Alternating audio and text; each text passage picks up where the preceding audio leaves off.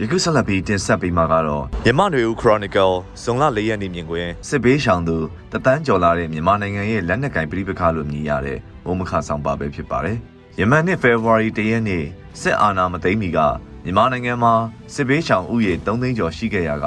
တနစ်ခွဲဝန်းကျင်အကြာမှာစစ်ဘေးရှောင်ဥယေတသန်းကျော်ရှိခဲ့ပြီဖြစ်ပါတယ်။စစ်အာဏာသိမ်းပြီးနောက်လက်နက်ကင်ပြည်ပခါတွေဗိုလ်ကျဲပြန့်လာပြီး စစ်အာဏာမသိမ်းမီတိုင်းရင်းသားလက်နက်ကင်အဖွဲ့20ကျော်20ဝန်းကျင်ရှိခဲ့ရာက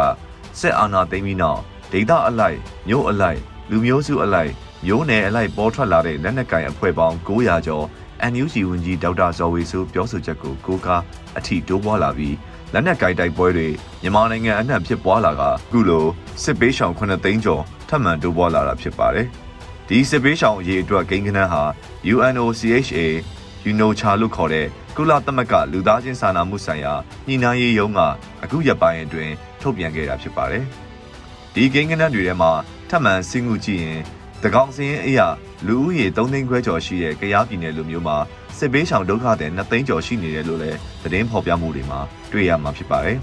။ပြည်နယ်လူဦးရေရဲ့ထက်ဝက်ကျော်ကစစ်ဘေးရှောင်နေရတဲ့သဘောလည်းဖြစ်ပါတယ်။ယမန်နှစ်နှောင်းပိုင်းတုန်းက ပြည်နယ်မြို့တော်လွိုက်ကော်တစ်မြို့လုံးနီးပါးဒိန်းရှောင်ခဲ့ကြရတဲ့အချိန်တွေလည်းရှိခဲ့ပါတယ်။ကေအားပြည်နယ်လိုပဲအချိန်နေအစိုးဆုံးလို့ဆိုနိုင်တဲ့လူဦးရေလည်းများပြီးမြို့နယ်အရေးအတွက်များတဲ့တိုင်းဒေသတစ်ခုဖြစ်တဲ့စကိုင်းတိုင်းမှာလည်းမြို့နယ်ပေါင်းများစွာကကြေးရွာတွေမှာလူတွေတိတ်ဆောင်ထပ်ပြေးနေကြရတာဖြစ်ပါတယ်။နေအိမ်မီးရှို့ခံရတဲ့တဲ့င်းတွေပစ္စည်းတွေဖျက်ဆီးခံရတာလူရက်ယူဆောင်သွားခံရတာအသက်ဆုံးရှုံးတာတွေက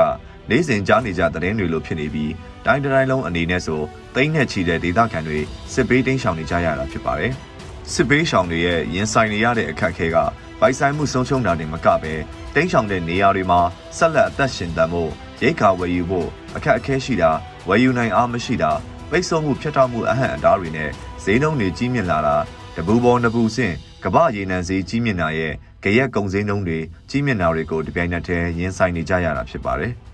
စစ်ပေးဆောင်ဒေသတွေမှာစခန်းလို့ခေါ်ပေမဲ့စခန်းအင်ကာရက်နဲ့ဘာမှမပြည့်စုံတဲ့နေရာထိုင်ခင်းတွေမှာမကြမ်းမမာဖြစ်ခဲ့ရင်လည်းကုသဖို့စေကံစေဝါမရှိတာတွေကအသက်ရှင်တန်ရေးကျန်းမာရေးအခက်အခဲတွေဖြစ်ပါတယ်။ဒါတင်မကသေးပါဘူးပညာရေးဘက်ကကြည့်မယ်ဆိုရင်လည်းစာသင်တဲ့အရွယ်ကလေးငယ်တွေလူငယ်တွေဟာမိဘတွေနဲ့အတူစစ်ပေးတင်းရှောင်နေကြရပြီးပညာရေးပါအဆက်ပြတ်တင်ယူခွင့်မရတော့တဲ့အခြေအနေတွေဖြစ်ပါတယ်။ အခုရက်ပိုင်းအချို့သောဒေသတွေမှာဆန္ဒပြတဲ့ကြွေးကြော်တန်းကမြို့ပေါ်ကចောင်းသားတွေကចောင်းတက်ချိန်မှာကျေးလက်ကចောင်းသားတွေကအိတ်ဆွဲပြီးပြေးနေရတယ်ဆိုတဲ့ကြွေးကြော်တန်းဖြစ်ပါတယ်။မြို့ပေါ်ကအခြေအနေထက်ကိုကျေးလက်မှာနေထိုင်ကြရသူတွေရဲ့အခြေအနေကအပုံကြီးခတ်ခဲတာအသက်ဘေးနဲ့နီးတာဆုံးရှုံးမှုများတာဖြစ်ပါတယ်။ဒီလိုတသန်းကျော်လာတဲ့စစ်ပေးရှောင်တွေအတွက်ရိတ်ခါလုံလောက်ရေးစေဝါရရှိရေးအသက်ဘေးလွတ်မြောက်ဖို့လုံခြုံမှုရှိတဲ့နေရာမှာနေထိုင်နိုင်ရေးအမိုးအကာလုံလုံခြုံခြုံရှိရေး ကလေးတငယ်တွေရဲ့ပညာရေးကိစ္စတွေဖြေရှင်းနိုင်ဖို့ကမေးခွန်းသာရှိပြီးအဖြေမရှိတဲ့ပြဿနာလိုဖြစ်နေစေပါကုလသမဂ္ဂရဲ့ WFP အဖွဲ့အနေနဲ့အခုရက်ပိုင်းကရားပြည်နယ်ဒမောဆွမြို့နယ်ကခြေရွာတွေမှာရိတ်ခါဝင်ခါတာတွေစတင်လှုပ်ဆောင်နေတာသတင်းတွေထဲဖော်ပြထားတာတွေ့ရပါတယ်။တစ်နှစ်ကျော်ကာလအတွင်းပြည်ပခဖြစ်ပွားတဲ့ဒေသတွေအကူအညီလိုအပ်နေတဲ့ဒေသတွေကအချို့ကိုကူညီနိုင်တာခုတစ်ချိန်ပထမဆုံးဖြစ်ပါတယ်။ပြီးခဲ့တဲ့နှစ်ကမင်းတပ်ဘက်ကိုတစ်ချိန်ကြက်ချင်ဒီတပ်ဖွဲ့ ကုလသမဂ္ဂအဖွဲ့အစည်းတွေရိတ်ခါနဲ့အခြားအသုံးဆောင်တွေကိုပေးဝေဖို့တွားရောက်ခဲ့တာရှိပေမဲ့ဓာတ်ရိုက်မပေးဝေနိုင်တဲ့အကြက်တဲတွေဖြစ်ပွားခဲ့တာပါ။အခုကရားပြည်နယ်ရဲ့ဒေသအချို့မှာသာဝေငှနိုင်တာဖြစ်ပြီးအမှန်တကယ်လိုအပ်တဲ့စစ်ပေးချောင်အများပြားစီလက်လန်းမမီမပေးဝေနိုင်သေးတာလည်းဖြစ်ပါတယ်။စကိုင်းတိုင်းလိုဒေသမျိုးကိုမကူညီနိုင်သေးတာလည်းတွေ့ရပါတယ်။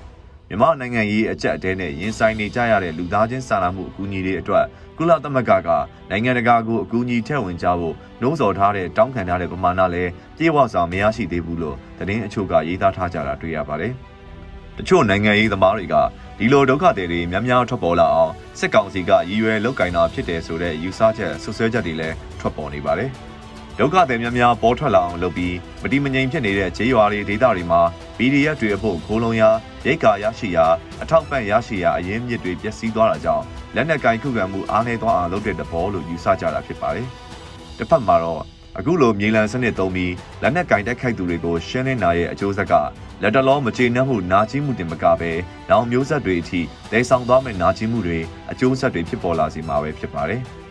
ဒဒီနေ့အဖို့အခြားသတင်းတွေထဲမှာတော့ယမန်နေ့ကဖော်ပြခဲ့ကြတဲ့ဒေတန်စီရင်ချက်အတီးပြုတယ်ဆိုတဲ့သတင်းနဲ့ပတ်သက်လို့ကြရရိုက်ခတ်မှုတွေနိုင်ငံတကာတန်ယုံအချို့လူ့ခွင့်ရေးလှုပ်ရှားမှုအဖွဲ့ကုလသမဂ္ဂတို့ကကန့်ကွက်တာဆိုရင်ကြောင်းထုတ်ပြန်တဲ့သတင်းတွေဖြစ်ပါတယ်။ စစ်ကောင်စီကအယူခံစစ်ခုံရုံးနဲ့အမိန့်ချမှတ်တဲ့အခါမျိုးမှာပြင်ဆင်ချက်လို့သုံးလုံးနဲ့အဆင့်ပြီးဆုံးသွားပြီးပယ်ချခံရပြီးဖြစ်လို့အချင်းတောင်ဘက်ကဆောင်ရွက်ရမယ့်လုပ်ငန်းစဉ်တွေပဲရှိတော့တယ်လို့ဆိုထားပြီးအချို့သောအကဲခတ်သူတွေကတော့ဒီလိုပြောဆိုမှုတွေဟာချင်းချောက်မှုအနေနဲ့သာရှုမြင်ပြီးလက်တွေမှာတေးတန်းစီရင်တာမျိုးမလုပ်တော့ဘူးလို့မှန်းဆပြောဆိုမှုတွေလည်းရှိနေတာတွေ့ရပါတယ်ခင်ဗျာကျွန်တော်ကတော့ຫນွေဥပါပါခင်ဗျာ